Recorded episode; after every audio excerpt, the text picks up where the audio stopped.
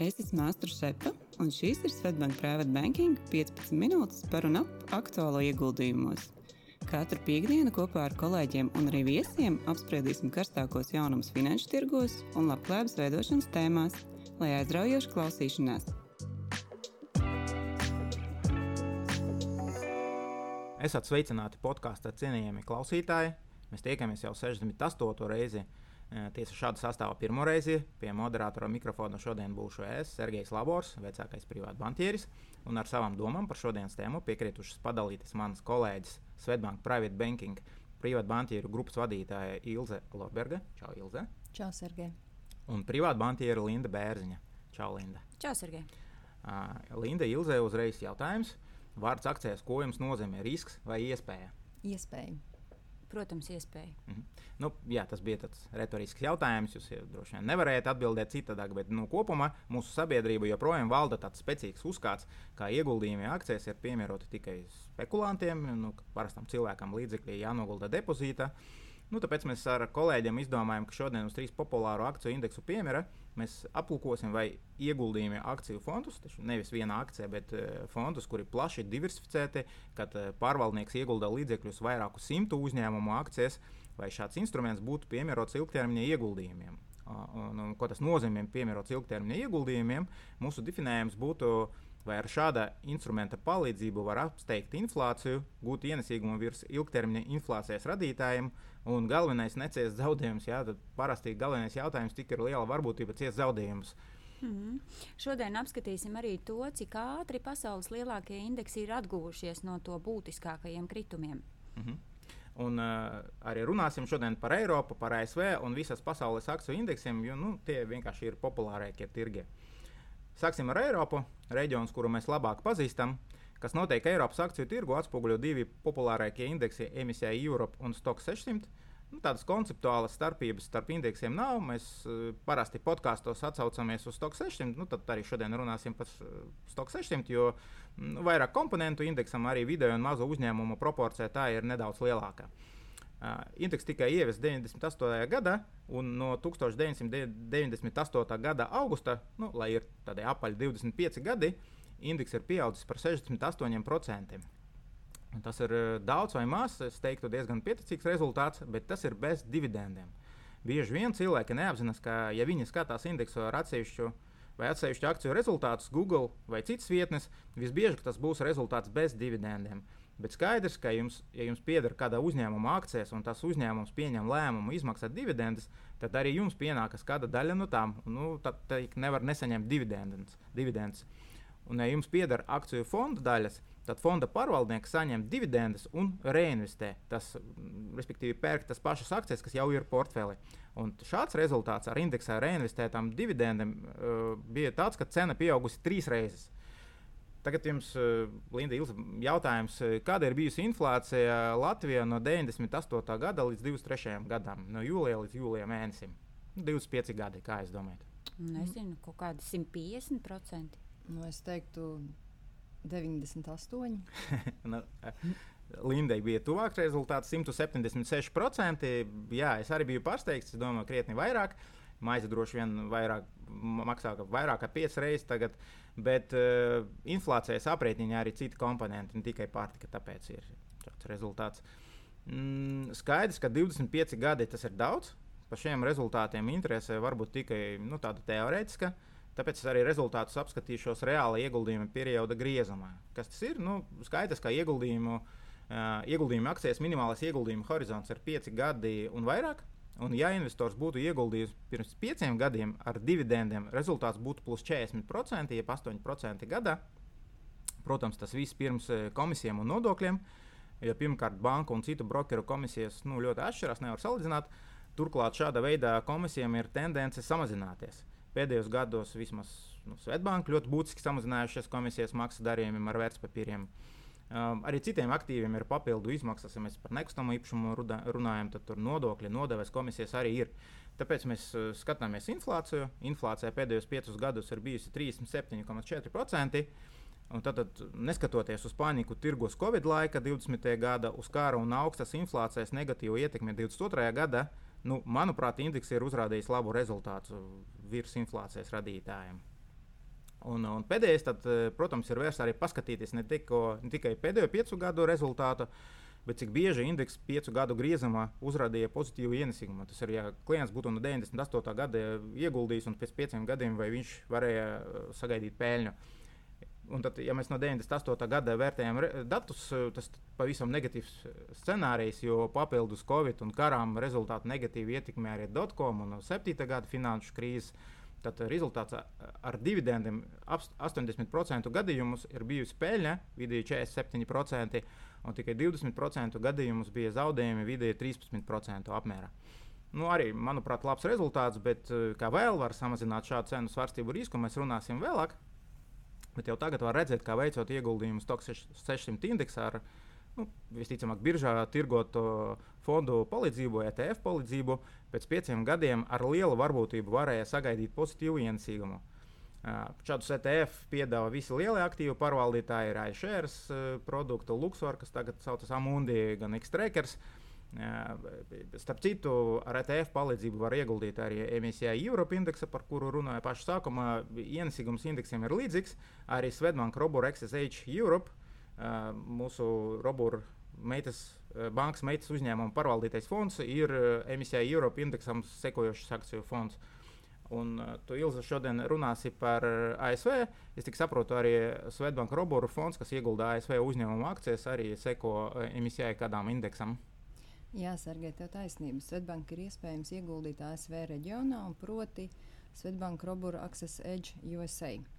Uh, šis fonds ir piesaistīts MSCI USA net indeksam, kas nodrošina ieguldījumu rezultātu sasaist ar uzņēmumiem, kas darbojas dažādos sektoros ASV.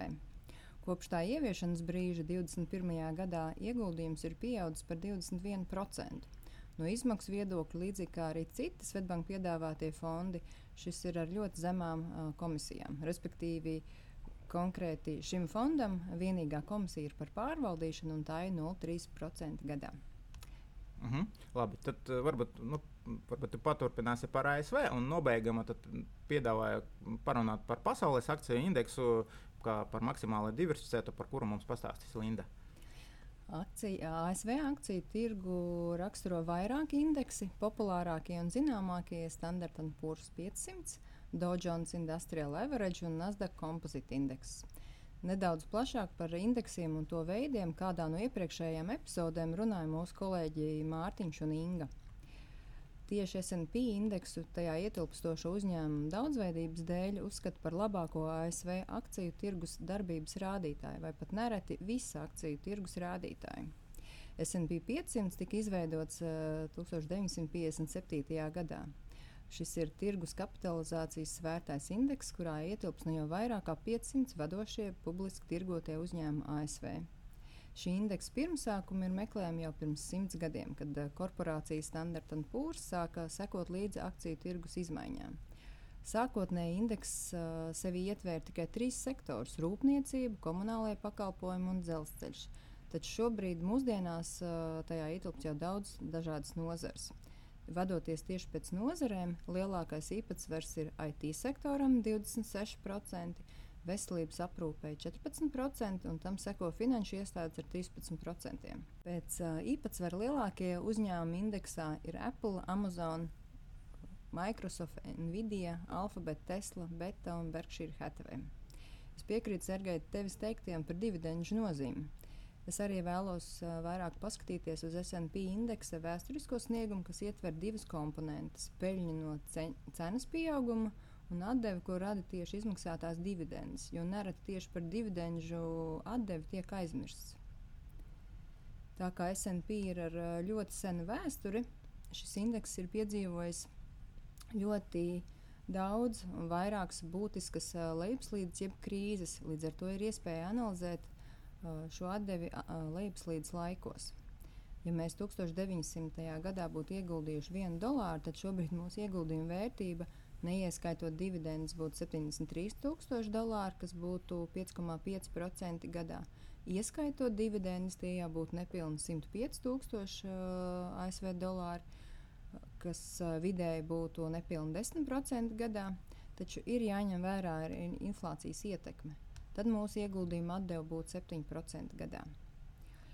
Analizējot datus par indeksu atdevi nesenākā pagātnē, piemēram, IT burbuļu virsotnē 2000. gadā, piecu gadu ieguldījumu termiņā, jeb horizontā atdeve, ieskaitot gan dividendus un atņemot inflācijas ietekmi, būtu negatīva - minus 13% par šiem pieciem gadiem. Septiņu gadu horizonts rāda negatīvu atdevi vairs tikai ņemot vērā inflāciju. Mm -hmm. tas, tas ir, bija pozitīva atdeve, bet nu, inflācijas radītāji bija augstāki. Jā, tieši tā, Sergei. Uh, paša indeksa sniegums septiņos gados bija pozitīvs, plus 10%, bet atskaitot inflāciju, mīnus 8,7%.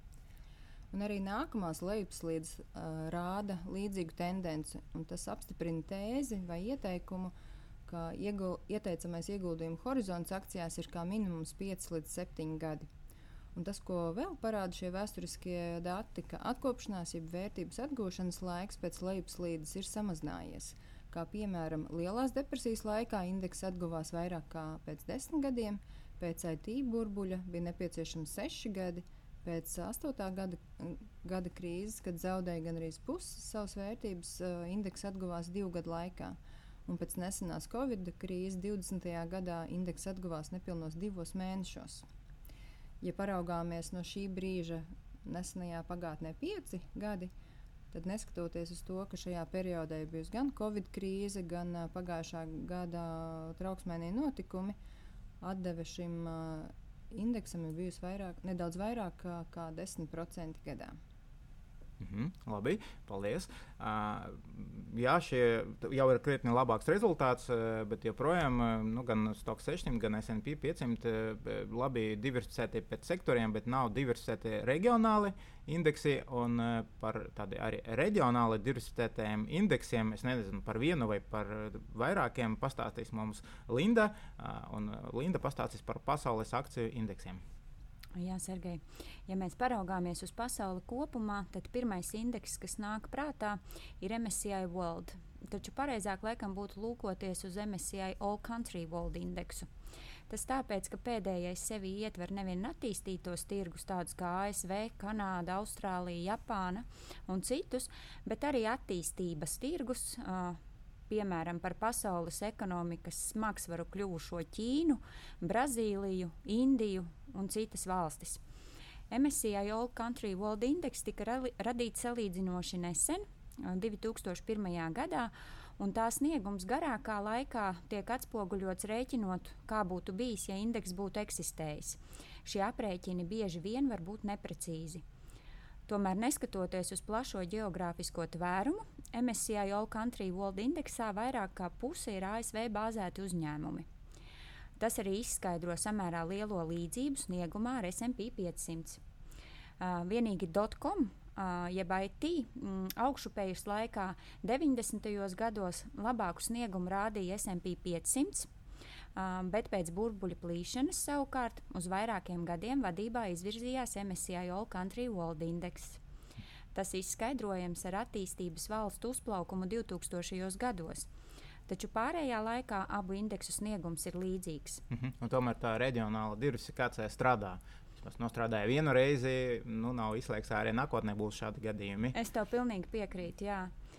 Uh, arī salīdzinājumā ar MSCI World ja pasaules indeksu, kurā iekļauti tikai attīstītie tirgi, nav vērojamas krasas atšķirības sniegumā. Un tā kā šī epizodē mēs apskatām indeksu lielākos kritumus, tad MSCI All Country World Indexam tie bija šādi. Kā pirmo var minēt dotcom jeb IT nozares burbuli. Kritums indeksā sākās 2000. gada pavasarī. Zemāko punktu 52%, kas ir vairāk kā puse, sasniedza pēc diviem gadiem, un iepriekšējā līmenī atgriezās tikai 2006. gada pavasarī. Lejupslīde bija saistīta ar tehnoloģiju uzņēmumu straujo cenu kritumu. Otra lielākā MSCI All Country World Indexa lejupslīde saistīta ar 2008. gada finanšu un hipotekāro kredītu krīzi. Indeksa vērtība kritās par aptuveni 60%, kas ir vēl vairāk. Atgūšanās no zemākā punkta prasīja gandrīz 5 gadus. Trešais lielākais MSCI All Country World Indexa kritums saistīts ar Covid-19 pandēmiju. Šis kritums bija īss, un tirgi no 33% krituma ne tikai pilnībā atguvās dažu mēnešu laikā, bet arī turpināja uzstādīt vairākus pieauguma rekordus. Tomēr par spīti kritumiem, kas viennozīmīgi bija un būs, kopējā tendence indeksam ir augšupejoša. 20, 30 gadu griezumā tas ir pieaudzis pat bez reinvestētām dividendēm un aprēķinot inflāciju. Ja raugāmies uz minimālo ieteicamo ieguldījumu termiņu pieciem gadiem, indeks ir uzrādījis 48% pieaugumu ar reinvestētām dividendēm. Mm -hmm. nu, labi, tas ir pēdējos piecos gados. Nu, es domāju, ka visiem indeksiem pēdējos piecos gados bijuši labi rezultāti. Bet, ja mēs skatāmies piecu gadu griezumā, ka, nu, kāda bija varbūtība, ka investors pēc pieciem gadiem var gūt peļņu, mm -hmm. ieguldot indeksā? Nu jā, ja mēs pieņemam, ka klients būtu ieguldījis naudu uz pieciem gadiem kādā laikā no 2000. gada, nu, jo šis periods sevi iekļauj visas trīs šī gadsimta lielākās krīzes, jeb kritumus, tad vairāk kā 80% gadījumu ieguldījums būtu pieaudzis, ņemot vērā reinvestētas dividendes. Un, tāpat kā citos, arī MSCI All Country World indeksā tieši ieguldīt nevar. To var caur biržā tirgotajiem fondiem, kas seko šim indeksam. Un šādi fondi, manuprāt, ir lielisks pamats visaptverošam un diversificētam ieguldījumu portfelim. Linda, kāds ir tavs viedoklis par mūsu novērojumu, ka mūsdienās akciju tirgus atkopjas daudz ātrāk? Uh, nu, kā galveno iemeslu šim uh, var minēt globalizāciju. Tehnoloģija un masu saziņas līdzekļu attīstība veicina informācijas izplatības ātrumu. Piemēram, vairs nav jāiet uz banku vai jāzvana brokerim, lai iesniegtu rīkojumu. Ziņas dažās sekundēs izplatās pa visu pasauli. Reakcija uz līderu izteikumiem ir zibenīga, līdz ar to pieaug emocionāla lēmumu skaits. Tāpēc arī tirgi ir kļuvuši svārstīgāki. Un arī šī tendence ir iemesls, kāpēc diversifikācija ir tik ļoti svarīga gan sirdsmieram, gan labākam miegam. Mhm. Paldies, Linda! Es te, kamēr klausījos, pats runāju, es, man ienāca prātā arī tāda doma, ka nu, ir arī investori, kuriem arī šis risks 80 un 90% būs pārāk liels, uh, bet varbūt arī joprojām investors grib ieguldīt akcijas. Ko mēs ieteiktu, lai samazinātu šo cenu svārstību risku? Uh, lai samazinātu tevis pieminēto cenu svārstību risku, tad uh, viens no ieteikumiem uh, varētu būt, ka investējam, ieguldām tikai un vienīgi brīvos līdzekļus ar domu, ka šī nauda nebūs vajadzīga piecus vai vismaz septiņus gadus. Ja mēs ar šo domu rēķinamies, tad tas cenas risks tiek mazināts, jo tas ir laika periods, nu, kādā parasti tas, tie indeksi atkopjas no kritumiem. Nu jā, pēc septiņiem gadiem rezultāti jau ir krietni labāki, par ko šodien mēs nestāstījām. Bet, uh, Man, man vēl es uz, uzdrošināšos pateikt, ka nu, attiecībā uz šiem fondiem, par kuriem mēs šodien runājam, uh, var iztenot arī tā saucamo averaging down stratēģiju. Tas ir brīdi, kad aktīva cena samazinās, ieguldīt papildus līdzekļus tajā. Rezultātā jums būs nu, tāda vidēja aktīva pirkuma cena samazināsies. Uh, nu, var teikt, ka nu, investori šāda veida var ātrāk tikt pie peļņas.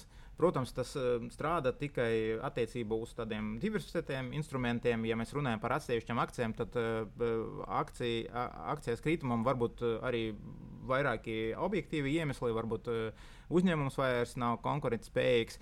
Bet, ja mēs runājam par plašu tirgu, tad, nu, kā mēs šodien arī runājam, ka ilgtermiņā cena tomēr pieaug. Uh, laikam tas arī viss, ko mēs šodien paspēsim izstāstīt. Uh, paldies jums! un lai veicas ieguldījums mūsu klausītājiem, nu, un arī mums. Paldies! Atā. Paldies atā. Audio saturā dzirdētā informācija nav uzskatāms par ieguldījumu konsultāciju vai ieteikumu slēgt finanšu tirgus darījumus vai ieguldīt finanšu instrumentos. Paldies, ka klausījāties! Lai izdevusies diena un uz tikšanos nākamajā sarunā!